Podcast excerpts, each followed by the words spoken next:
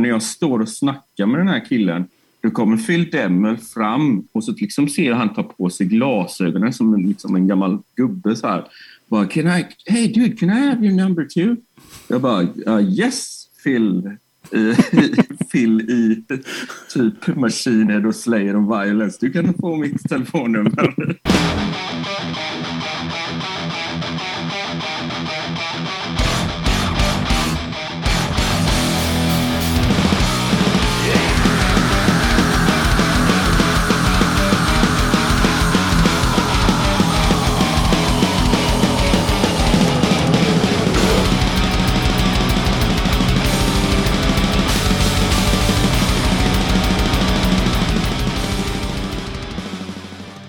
Det är inte alla som får lämna ut sitt telefonnummer till en legend som Phil Demmel. Om man inte heter El Guapo och spelar gitarr i eh, zombiekrig och bor i San Francisco, då kan man råka ut för sånt där. Och El Guapo är vår gäst i det här avsnittet av Heavy Undergrounds podcast. Jag som säger det heter Magnus Tannegren. Ja, Zombiekrig har inte släppt en ny musik sedan eh, 2012. Men eh, nu är det dags. Det rör på sig i zombiegraven kan man säga.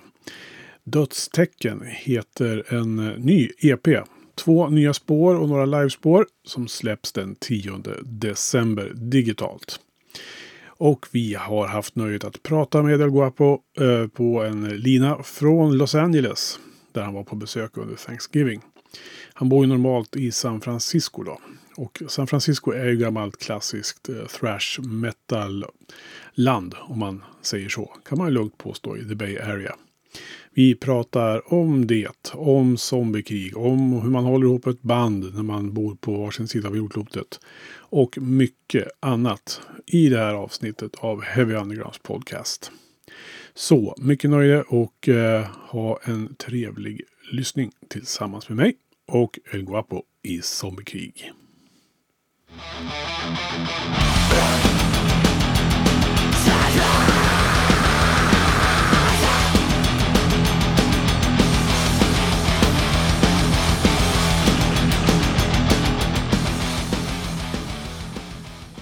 Du, vi måste ju klargöra först var du befinner dig egentligen i världen.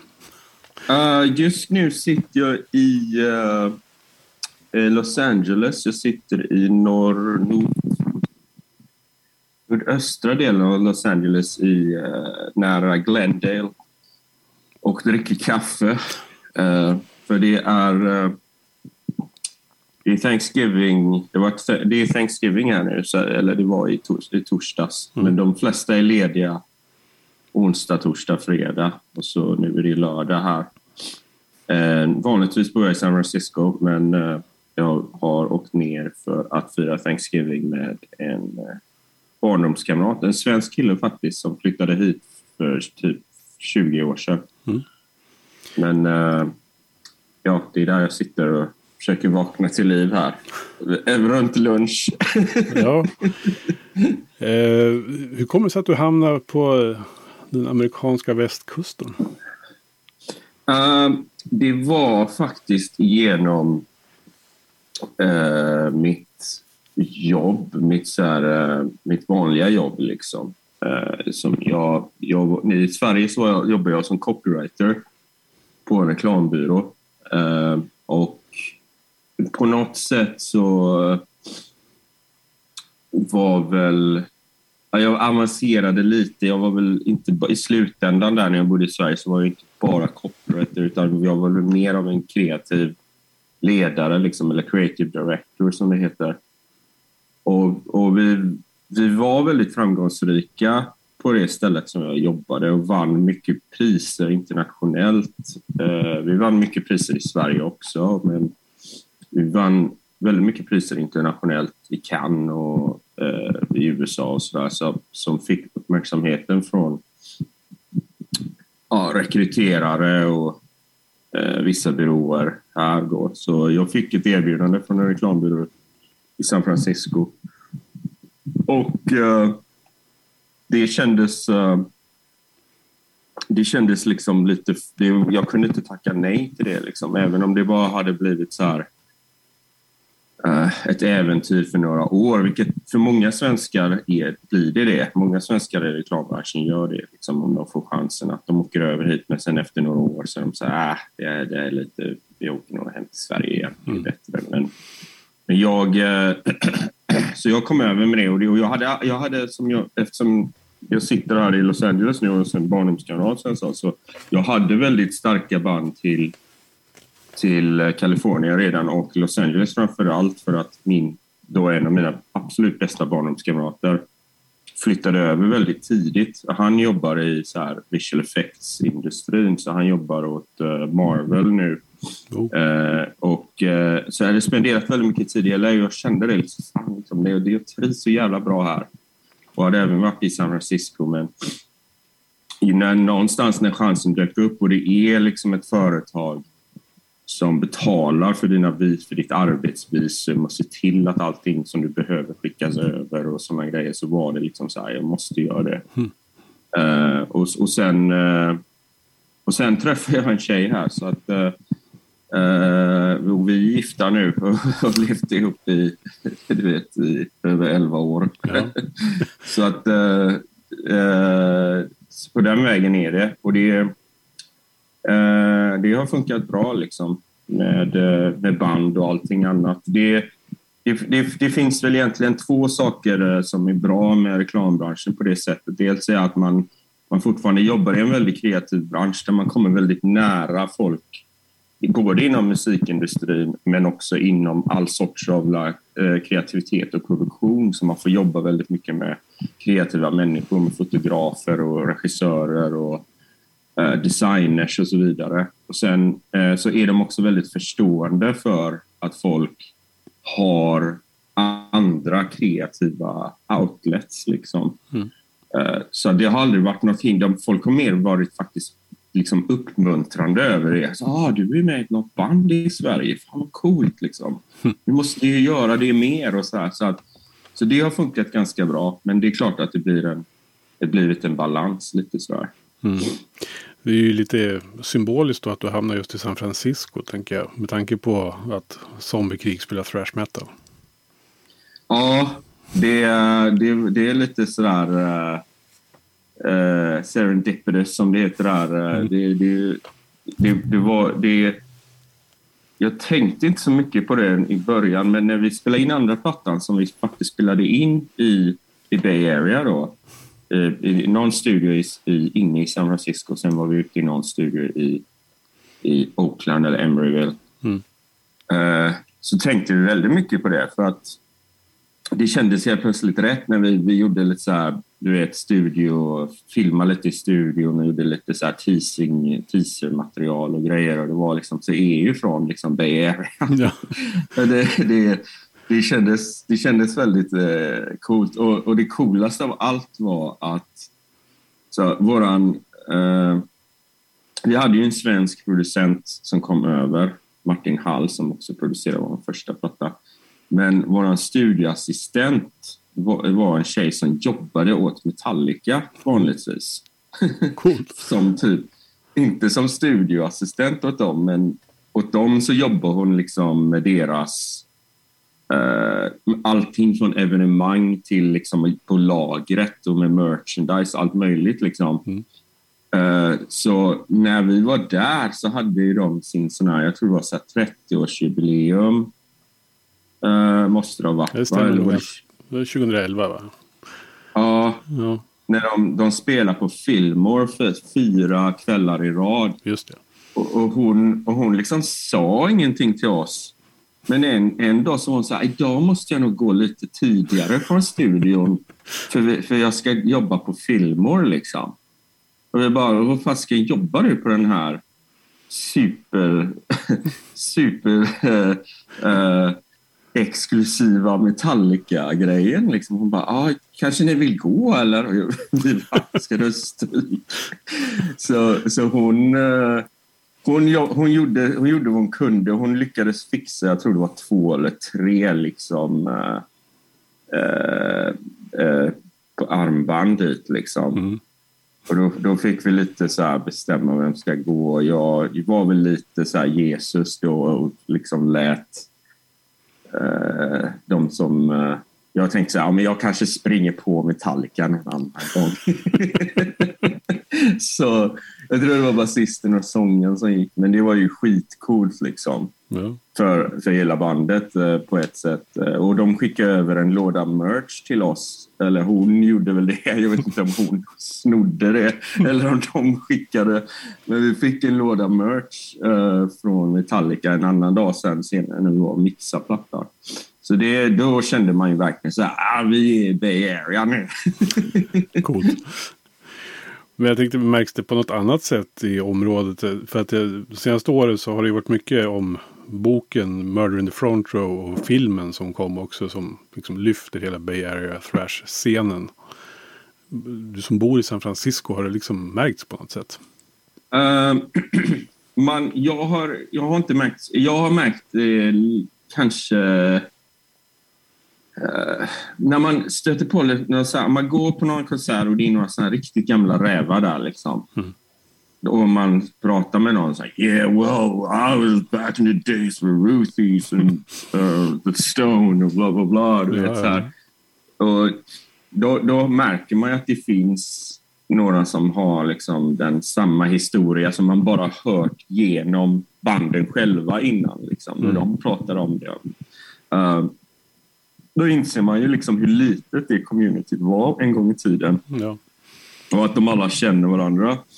Uh, men det sättet som det har tagit sig... Alltså, ja, vi har... Alltså på andra plattan hade vi en trummis från Oakland. Så att eh, han och jag repade ju mycket ute i Oakland, ett ställe som heter Soundwave Studios inför den plattan. Och vi ses fortfarande där ibland och bara jammar lite eller hittar på lite nya grejer. Inte jammar är fel att säga, men om jag har lite nya riff för något som att testa, testa för något, även om det inte är zombiekrig, mm. så brukar vi ses där ute. Och det stället är också ett sånt här, där blir man påmind direkt om vart man är. För vet, på toan så sitter det en, eh, en affisch med liksom Metallica, så har Lars skrivit på den. Liksom, Soundwave, like thanks for the great memories. Och, så här. och, och i, i, i, hall, i hela hallen, det är så här, är replokaler liksom. Eh, och så är det en korridor. Och i hela korridoren är det liksom bara affischer med alla som har repat där. Det är liksom Testament tror jag fortfarande kör, har kört, eller ganska nyligen, kanske inte nu, men innan de riktigt kom tillbaka och slog igenom så igen, ja. eller vad man ska kalla det, så, så körde de sina liksom så här, uh, turnérep där. De har, några, de har liksom en stor scen på baksidan och så har de några mindre rum med scener som man kan liksom öva för spelningar och så här. Så testa med Machine Head var där och Faith No More var där. Liksom. Ja. Så man känner det i, i liksom när man bara går i korridoren där och bär sina grejer ner till något jävla rum. Att det är så här, ah shit, de har ju också, alla är ju här liksom. Och jag har stött på folk lite så här helt random. Jag stötte på uh, vad heter han, Rob Flynn på mm. Fillmore en gång. Uh, så att de, det händer ju att de här gamla rävarna kommer ut och minglar. Eh, det var några från Testament jag träffade också där eh, någon mm. gång. och så, där, så eh, Man påminns om det. Det sista som har hänt som är jävligt coolt och väldigt Bay för mig är jag var på... Jag, var, jag hängde med då, några kompis, kompisar i i några svenska band. Då. Så de spelade på Warfield, jag tror det var Arch Enemy och At the Gates och Amanda Marth, tror jag. Mm. Eh, och så, så stod jag och hängde med eh, en polare och så kom, eh, så kom Phil Demmel upp och snackade. Eh, och, eh, och så började jag prata med honom. Jag, jag, var inte riktigt säker på att det var han, men eh, vi var båda, båda stora fans av uh, Oakland Raiders som numera heter Los, Las Vegas Raiders. De flyttade det amerikanska fotbollslaget till, fotbollslaget till Las Vegas. Men han hade en Raiders uh, keps och jag hade också en Raiders keps. Vi snackade amerikansk fotboll liksom. Mm. Och sen, uh, och sen, sen några veckor senare, eller om det var typ en månad eller två månader senare kanske, så var Slayers sista konsert i Oakland då. Just det. På den sista turnén. Och Phil Demmel spelar ju på den turnén i Sverige tror jag. Ja, det stämmer nog bra det va? Ja, för, han, för Gary Holts farsa eh, låg på sin dödsbädd eller om han hade dött eller någonting. Ja. Eh, så han var tvungen att åka tillbaka. Så fick, det, för det, du har ju säkert hört de historierna från Phil Demmel, hur crazy det var när Ja, han fick liksom, sitta på planet och försöka Repa in lära sig. Ja, så då, då är vi i alla fall, då är jag och min polare jag hade en kompis som aldrig sett Slayer live. Så jag var så här, jag måste ge honom biljett. Det är jätteroligt. Han ser Slayer sista gången han spelar, första gången han får se dem. Så, tog, så, så åkte så tog, eh, han bor precis där ute vid Oxford Coliseum. Så drog vi över och så sen så gick jag, jag skulle gå och köpa en korv eller någonting. Det, eh, den arenan, Oracle, är ganska stor. Eh, Det är väl motsvarande som, eh, jag vet inte vad det heter i Sverige nu, gamla Globen Ja, Globen, Skandinavien, Göteborg sådär. Så ser jag Phil Demmel gå där liksom också ner mot korvkön eller liksom, ja, där eh, kiosk, eh, vad heter det, där de säljer käk liksom. Mm. Jag bara, hej Phil! Och och han bara, "Ah, hej. Han träffar ju säkert tusen pers varje dag som säger hej Phil. Så han liksom så här kisar med ögonen. Och bara, ah, jag bara, hey, it's me. We met uh, Warfield, uh, so and so's friend, uh, the Swedish dude. He's like, yeah, yeah, yeah, Anders. Så, så, ehm, så gick vi och hängde efter vi hade käkat lite korv då, så gick vi och hängde och då står det, har han några polare med sig. Liksom. Och så är det en kille som jag står och snackar lite med och så, så säger jag, ah, hur känner du Phil Demmel? Liksom? Ja, jag är hans gitarrtech, eller var hans gitarrtech i Machine Head. Mhm. Jaha, säger jag, så, men eh, du, jag har en jävla massa gamla Jacksons nu som börjar bli lite skruttiga. Han bara, ah, men det är bara att ta, kom över till mig, jag har en liten shop, jag fixar dem. och jag bara, va? Och då så när jag står och bara, jag blir för jag menar varje gång jag lämnar in min gitarr, eh, en av gitarrerna, om jag ska säga att jag ska åka till Sverige och göra en spelning och så lämnar jag in en av mina Randy Rhodes liksom, så är det 300-400 dollar bara för att intonera och fixa liksom. Mm. Så jag vill säga, jag blir skitglad liksom. Och när jag står och snackar med den här killen, då kommer Phil Demmel fram och så liksom ser jag han ta på sig glasögonen som en, liksom en gammal gubbe så här. Bara, can I, hey dude, can I have your number too? Jag bara, uh, yes Phil. Phil i typ Machine och Slayer och Violence. Du kan få mitt telefonnummer. Så, och det, det kändes, då kändes det verkligen som ett så här Bay Area community moment. Liksom. Ja. Så nu, jag, jag smsade med han i torsdags för Raiders spelar mot eh, Dallas Cowboys och vann eh, i torsdags. Så då drog jag ett mest till han liksom, och han skickade direkt tillbaka sig superglad. Och så, här. så då känner man så här, ah, jag är liksom med i det här gamla old school communityt på ett litet hörn nu. Coolt. ja du. Men du, zombiekrig. Eh, yes. ska vi dra en liten kort recap av bandets historia så, där, så att folk som lyssnar på det här har, får lite koll på vad zombiekrig är för någonting. Eh, så zombiekrig är ju ett... eh, oh shit, vad gjorde jag? Jag har något bord här som åker upp och ner. Uh, uh, ja, zombiekrig är ju ett band som dök upp, jag skulle säga 2009. Vi började strax lite innan dess, men det är, det är, no, det är ett par uh, snubbar som spelade thrash på högstadiet liksom ihop och sen hade vi lite så här splittras för vinden under åren och så kom vi tillbaks till en punkt där vi ville spela ihop igen och, och uh, spela thrash metal då liksom. Och så hade jag en idé om att spela väldigt traditionell, typisk Bay Area eh, thrash. Lite kanske influerat av så här, Creator också. Och det, men den tidiga mitten av 80-talet typen av thrash metal. Mm. Men, att göra, men att göra det på svenska och använda det svenska språket på ett sätt som kanske inte hade gjorts innan, i alla fall i, i den här genren. Då. Eh, och, eh, så vi, vi satte ihop ett band, vi fick eh, vi gjorde en demo och, ganska, och fick ganska... Detta var ju liksom i slutändan av MySpace, tror jag. Eller jag vet inte om... Ja, kanske var då någon gång. Ja. Ja, för MySpace var faktiskt en viktig faktor där. Vi la ut några låtar och det, och det gick ganska fort där att gå från liksom bara några som hade några par låtar till att vi faktiskt fick lite uppmärksamhet. Och vi fick någon... Eh, eh, någon i Expressen skrev någonting och någon i Göteborgs-Posten skrev någonting och så helt plötsligt hade vi en spelning. Och så rullade det på och så släppte vi en platta året efter eh, som hette Undantagstillstånd och eh, den fick väldigt bra recensioner. Eh, och så gjorde vi en hel del festivalspelningar.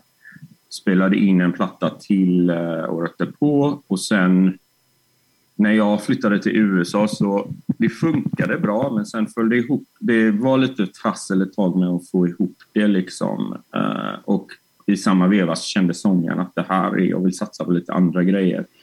Så att vi eh, splittrades, tror jag, i slutet av 2012. Men avslutade med att spela in en liveskiva. Som vi inte släppte, utan vi bara satt på. Och så sen eh, några år senare så bestämde vi oss för att släppa den på vinyl. Och i samband med det släppte vi de andra två skivorna på vinyl och gjorde en spelning och fick en slags oerhört oväntat stort stöd. Och hade väl på något sätt sett att eh, fan, eh, liksom, basen hade vuxit online och i social, i social media. Liksom. Mm. Och då bestämde vi oss för att komma tillbaka. Men, men grunden, alltså historien med banden i, i bandet är egentligen att det var ett, ett thrash metal-band som, som eh, skrev svenska texter, ganska så punk-influerade texter. Eh, men samtidigt eh, på samma tema som finns i thrash metal med samhällskritik och att slå emot kollektivet och ifrågasätta saker och en, hel del emot organiserad religion och så vidare. Mm. Uh, och, och, och att, att sångtekniken är mycket mer som, som modern metal, lite mer så här at the gate-skrikig, inte, inte thrash metal på det sättet. Och de tre sakerna, liksom old school metal, new school screaming och eh, svenska, lite punkinfluerade eh, texter gjorde att vi var, blev ganska unika och, eh, och, och, fick mycket, vi fick en hel del fans som liksom eh, som uppskattade det. Och, och jag vet inte, det är svårt för mig att prata om liksom var vi står just nu men vi har ju märkt att, att, det, att det var väldigt populärt, annars skulle vi inte komma tillbaks nu. Eh, och jag tror förra året, framförallt då vår eh, första platta hamnade på Sweden Rock Magazines 200 eh, bästa metalalbum som kommit ut i Sverige. Och jag var så här, ja, då, då är väl vi nummer 200 liksom. Men mm. vi var faktiskt 197 på den, på den listan. Men där kändes det som att, ja men det känns ändå rättvist på något sätt. För att plattan fick bra recensioner. Vi gjorde ett par ganska högprofilerade spelningar så här, och turnerade lite med Haunted och gjorde stora festivaler och sådär. Men vi var inget så här jättestort band. Men det, så där kändes det ändå som att ah, men det är skönt att ändå cementerat vårt legacy lite på ett sätt att vi gjorde någonting bra där. Så vi har något att bygga på nu när vi kommer tillbaks. Ja. Jag tänker på just det här med svenskan. Vad, vad fick er att ta det beslutet att ni skulle sjunga på svenska? Um, jag tror att det var... Jag minns inte riktigt nu exakt hur jag tänkte, men jag tror att det var... Det var väl dels att försöka göra någonting lite nytt och lite annorlunda. Eh, det kändes inte som att om vi bara hade kommit tillbaks, eller kommit tillbaks, och då menar jag liksom vi som spelade ihop på högstadiet. Ja. Och, och, då spelade vi våra egna thrash metal-låtar som hette någonting väldigt liknande vad en Sepultura-låt hette. Liksom. Mm. och liksom var bara liksom en fattigare version av vad som redan fanns. Och det var väl lite det att ja, men vi kan ju liksom inte slå liksom Metallica och Megadeth och Pantera och fan är, är liksom när det gäller det, det, har ju redan gjorts liksom. Och, och, det fanns ju redan så mycket bra svenska metalband som sjöng på engelska som var stora i hela världen. Så det var väl lite där att liksom försöka hitta någonting lite nytt och intressant och annorlunda. Och att man kände ganska fort att eh, precis som när Luke slog igenom någon gång på 90-talet, att det blev, man hajade till för att det är så här, det här är hård musik, men de sjunger på svenska. Det, låter, det blir väldigt så här, det känns väldigt verkligt på något sätt. Mm. Eh, och att man hittar den nerven, det var väl, var väl tanken.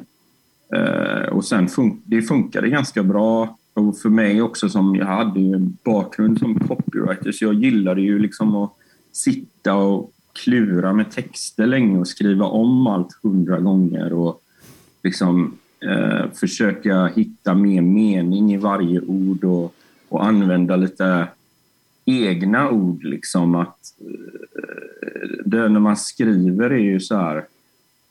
Det, det är en sån fruktansvärt stort eh, landskap där man inte bara kan liksom hitta konstiga, annorlunda, intressanta ord utan man kan också skapa sitt, e, sin egen liksom, röst på ett sätt. Precis. Där det är att vi låter inte som andra band som skriver på svenska för att vi har vår eget lilla vokabulär på något sätt. Så det var väl väldigt intressant också tror jag. Mm. Men det var väl mest för att försöka göra någonting annorlunda och någonting som vi själva tyckte var kul. Liksom. Ja.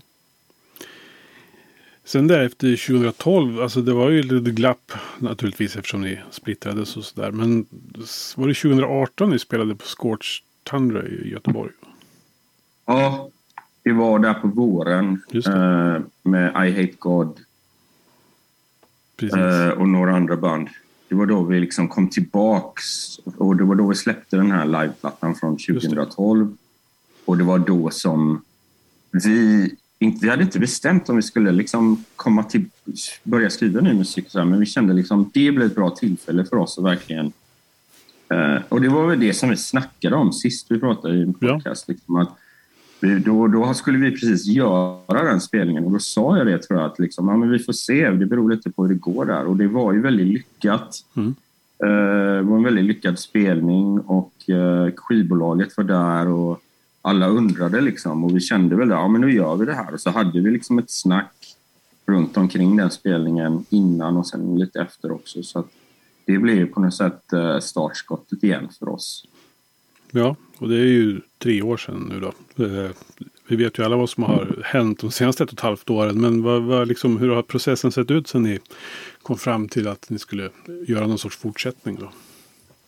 Um, det, blev, det, det har varit... Uh, det är på grund av den här jävla pandemin som man inte... Det känns som att allting bara kom till något konstigt stopp där. Liksom. Mm.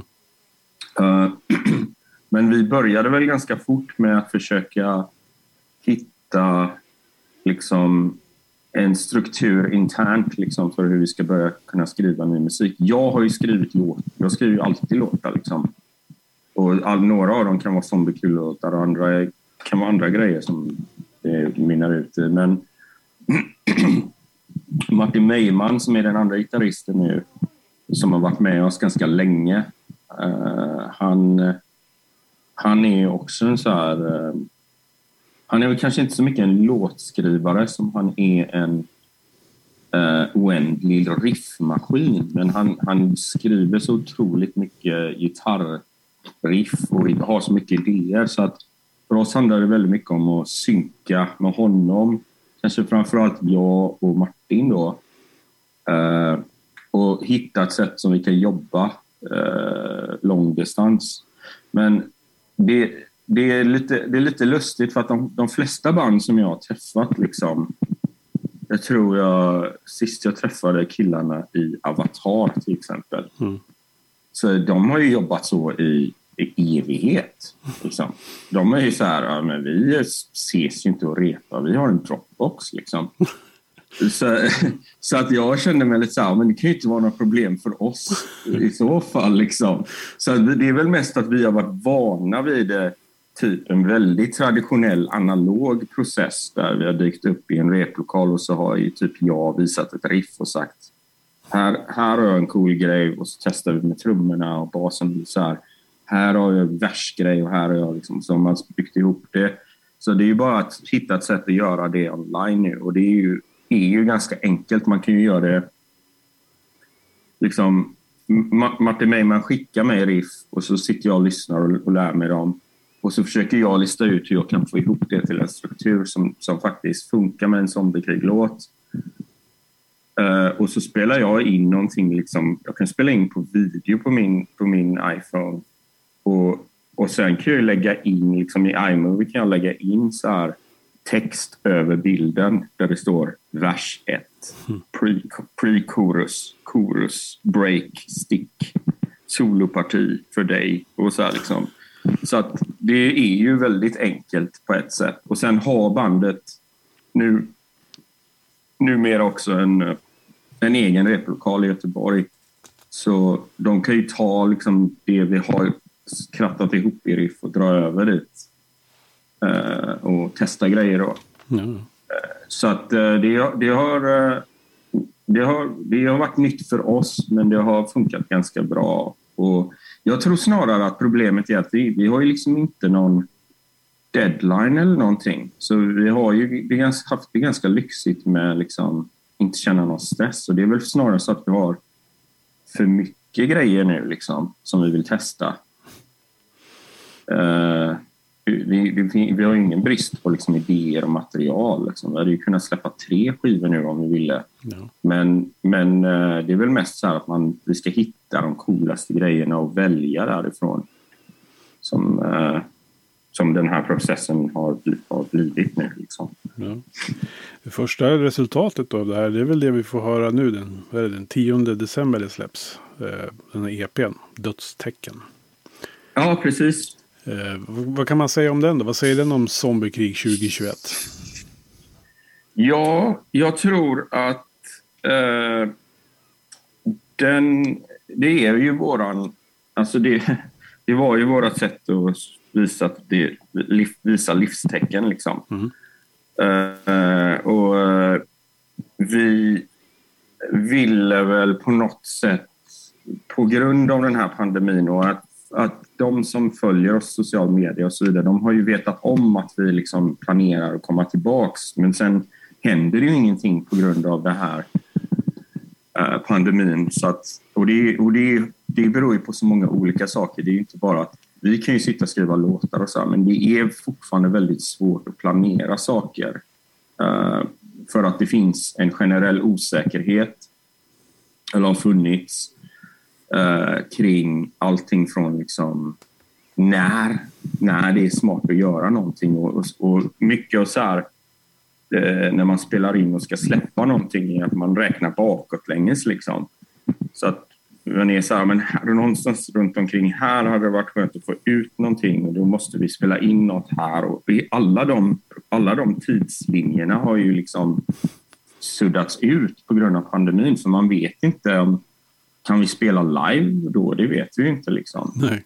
Eh, alltså, om ni frågar mig för två veckor sedan har jag sagt ja nästa år kan vi spela live. Men nu är det något nytt jävla variant av viruset. Som de liksom helt plötsligt är. Nu kommer det bli ännu värre än innan. Så man, och så har det ju varit under hela den här tiden. Så man, man har ju eh, liksom man har ju liksom försökt göra det man kan. Men med den här EPn då så vill vi ju bara på något sätt visa att ja, men, vi är på gång. Här är två extremt grymma låtar som är helt nya och ge, ge alla dem som har väntat liksom någonting.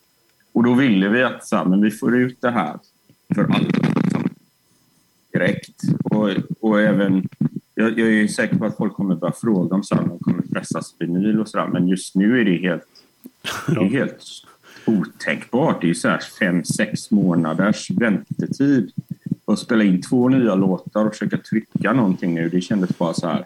Ja, nej, det är bättre att vi släpper någonting som alla får ta del av och så fokar vi på nästa platta istället. Liksom. Mm.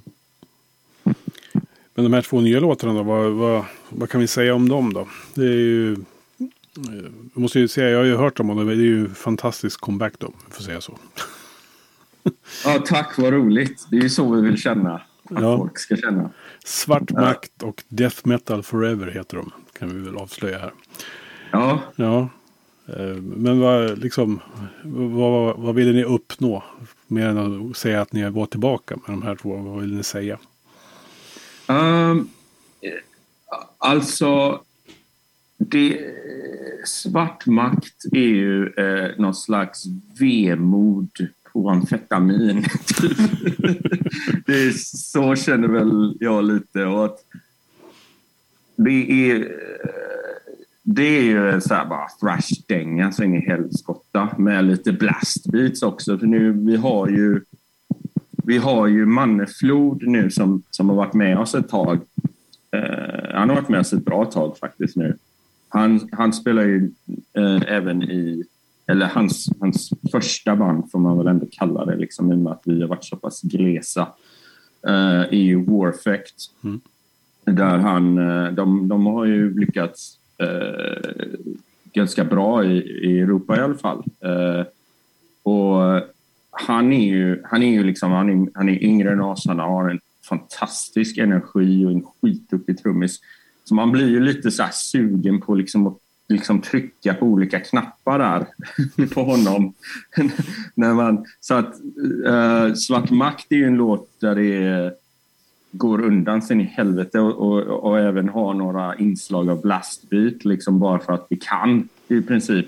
Men inte för, att, in, inte, inte för sakens skull. Det passar in med den här. Det är en ganska vemodig slags death metal-melodi eller gitarrgrej som, som genomsyrar den låten på några ställen. Eh, och det, det är väl det är bara en sån här rökare liksom som Eh, jag skulle säga är, känns väldigt zombiekrig. Den är, om man, jag vet ju att några av de som lyssnar på oss kanske lyssnar lite mer på, på det musikaliska och hur gitarrerna spelar och så. Och det är lite, det är lite mer teknik nu. Liksom, så här. Det är samma liksom, thrash uh, sväng men, men man, vi, det har gått ganska lång tid och vi, vi alla spelar ganska mycket så att man kan ju sina instrument nu.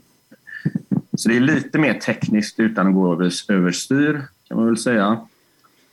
Eh, och sen är det ju som vanligt liksom, det vi skriver och det jag skriver i, i, i form av texter och text, alltså sångmelodi eh, är ju, det är ju väldigt zombiekrig. Liksom. Det, det, finns ju en melodi i det. Liksom. Mm. Eh, och eh, den andra låten eh, är väl lite av våran så här, eh, anthem lite kan man väl kanske det kändes säga. Lite så.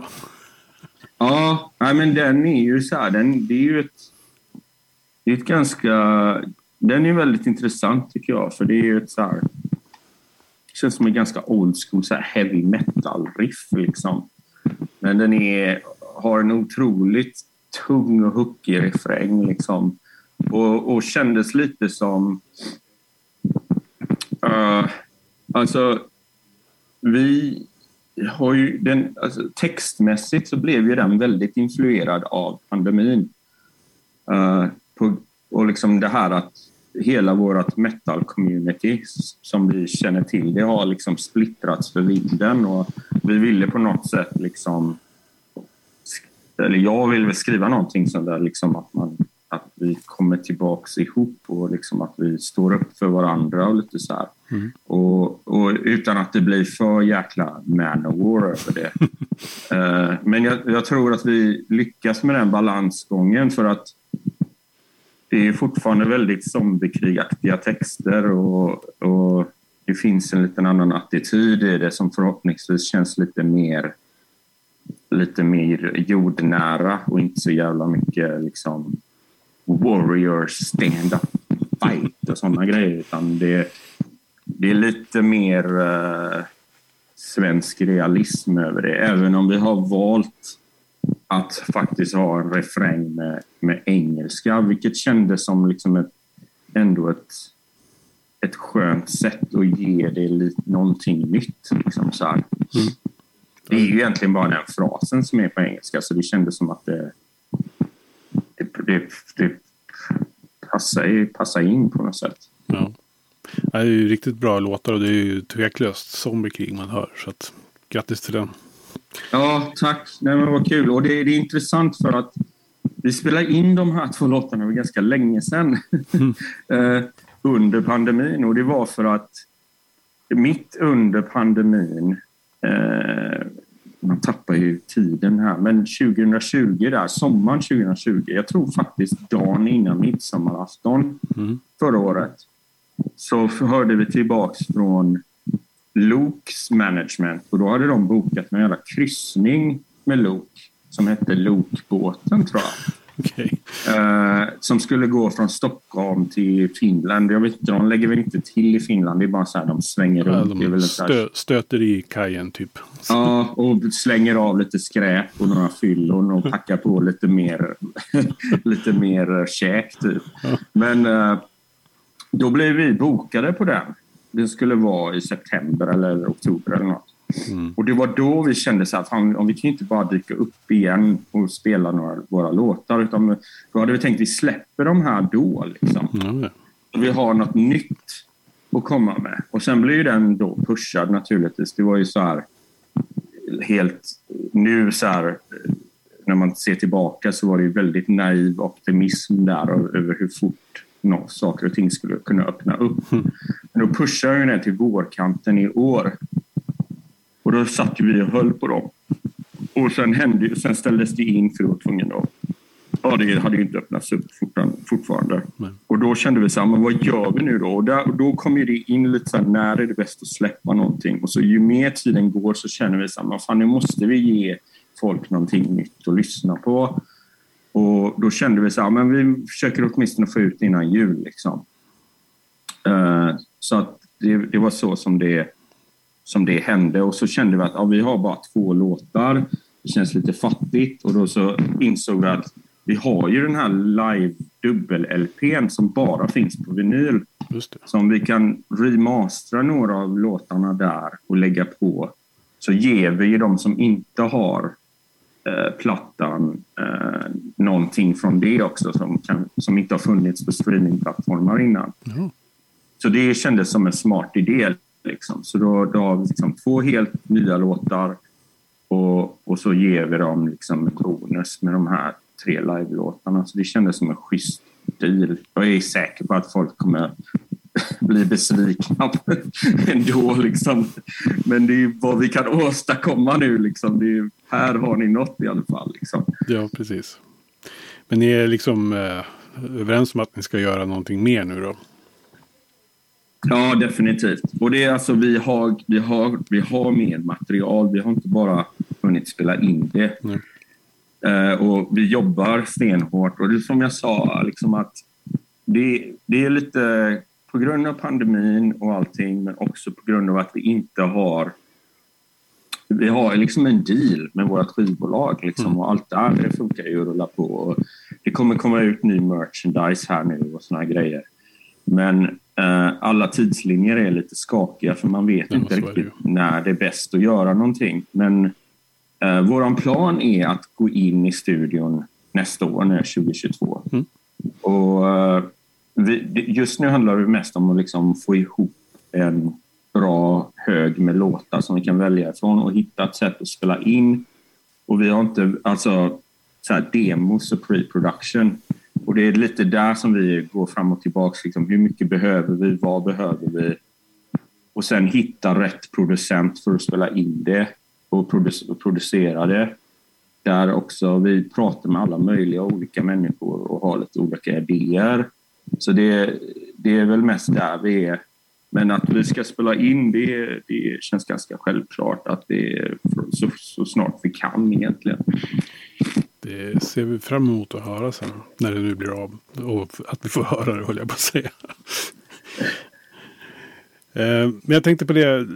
Vi är lite inne på det. Men en, alltså hur håller man ihop det här med. Alltså om man har ett band. Alltså hur behåller man bandkänslan. När man, du befinner dig där du gör. Och de andra är där de är. Alltså, det är ju ändå lite geografiska avstånd och så. Ja, eh, så är det ju. Jag tror att det finns olika idéer om vad det är att vara ett band. Ja, Jag tror, jag, jag tror att... eh, igen, som jag sa, du vet när jag träffar band som... Jag träffar ju mest svenskar nu när de är här och spelar i USA. Det är inte så många av mina kompisar som kommer och hälsar på längre. Liksom, för alla har sitt liv och många har barn och sådär. Uh, men de som jag träffar är ju de som spelar i band och är ute och turnerar. Och för mig har det varit väldigt uh, lärorikt liksom att fatta hur de funkar och hur de jobbar. Och många av dem är ju liksom, som jag sa när man träffar killarna i Avatar till exempel, de, de jobbar ju extremt effektivt och professionellt men de, det är inte så att de ses och repar och sådana grejer. Liksom. Och eh, Jag tror att någonstans med tiden och erfarenhet och tekniken och allt som tillåter det är så här att man blir mer fokuserad på hur bandet ska låta och hur vi ska få ut musiken och mindre fokuserad på att bandet är som ett gäng. liksom, att vi är, att vi är ett, ett gäng eh, du vet, rebeller som ska hänga och du vet, gå runt och... Du slåss, vet, slåss mot världen. Liksom. Och, och, ja, men verkligen liksom, bokstavligt talat hänga ihop och liksom gå ut och umgås och sånt. Det är, det är mindre viktigt på något sätt och det, det betyder inte att vi inte tycker om varandra, respekterar varandra eller gillar att hänga. Så här. Så det gör vi fortfarande, men det är, det är inte så att vi, vi ses och liksom dricker bärs och, mm. eh, och sådär, utan, utan det är väldigt fokuserat på musiken och vad vi behöver för förutsättningar för att få ut musiken. Liksom. Vad behöver, vi behöver en replikal, vi behöver den här typen av utrustning där. Vi behöver hitta ett sätt att kommunicera låtidéer. Och, och där tror jag att vi har blivit mycket mer liksom, ihopsvetsade som ett band eh, på ett sätt. Att alla, alla försöker bidra med någonting nu och alla försöker liksom se till att vi får ut musiken och att det blir bra och att vi alla känns mycket mer engagerade även om vi inte hänger. Liksom. Mm. Uh, så att det där, uh, där, där, känner jag att vi har liksom mognat till ihop till precis rätt, rätt ställe vi ska vara mentalt liksom, och hur vi ser på det här med musiken. Och mycket har också att göra med, liksom, jag tror det är ålder och erfarenhet och att vi nu förstår vad det är, hur vi ska låta och hur, vad det är som, som är kul och intressant att utforska. Liksom. Uh, men också att vi har uh, liksom, Manne spelar ju Warfect. Han är otroligt professionell och liksom väldigt så... Han vet ju vad det är som, som krävs och vad, vad som är viktigt och vad, var han behöver chippa in. Martin, basisten, han, han spelar med lite andra band och andra musikprojekt också. Uh, Martin Meiman och jag är väl framför allt fokuserade på det här nu. Mm. Uh, Axel har liksom kommit tillbaka med en helt ny som, sångaren då, eh, för de som inte vet, har kommit tillbaka med en helt ny liksom, vilja att, eh, att, att det här ska bli bra. Och liksom, eh, inte så att han inte har känt så innan, men jag tror tidigare har han kanske mest känt sig som liksom killen på scen som viftar med armarna. Liksom. Och, nu, och, nu, och nu är han mycket mer engagerad i allting från merch-design till... Han, Axel har faktiskt designat det här omslaget för Dödstecken, även om det var en dig, digital release. Mm. Så är det han som har så här... Han snackade med oss, och vi har ju våra interna forum online och så vidare. Han sa det, jag har, jag har liksom börjat designa saker och utforska grejer. Han är en skitduktig illustratör och det har jag alltid vetat. Men han sa, jag har börjat liksom utforska mer och göra design. Och jag har en idé för hur det här ska kunna kännas som zombiekrig. Och han har liksom hittat det uttrycket perfekt här. Liksom. Ja, ja. och det är för oss är det så fan vad grymt. Nu har vi liksom den resursen internt. Och att, att han också liksom ta sig an det och aktivt liksom vill göra det. För oss är det så jäkla kul. Och, och där känner jag att vi är mycket tajtare som en grupp nu. Liksom vi, vet, vi vet vad vi vill, hur det ska låta, hur det måste låta för att det ska bli bra. Och, det, och vi alla känner oss väldigt trygga i våra roller och, och sådär. Så att det har faktiskt funkat bättre nu än det någonsin har gjort historiskt sett. Och då blir det inte så himla viktigt det här med avstånd eller att vi inte kan ses och hänga och som sagt sådana grejer utan det är fullt fokus på musik. Och det sa El Guapo i eh, Zombiekrig som släpper EPn eh, Dödstecken den 10 december. Stort tack till dig El Guapo för att du ville prata med Heavy Undergrounds podcast. Det var allt för den här gången. Glöm inte att gå in på heavyunderground.se och eh, läs nyheter, recensioner och annat nästan varje dag, eller i alla fall varje vardag. Eh, följ oss på sociala medier. Instagram och Facebook finns Heavy Underground på. Och vi avslutar väl med att höra några takter från den helt nya EPn. Den här låten heter Death Metal Forever. Med det så säger jag, Magnus Tannegren, tack för den här gången. Så hörs vi igen en annan gång. Och då är det någonting helt annat vi ska prata om. Hej då!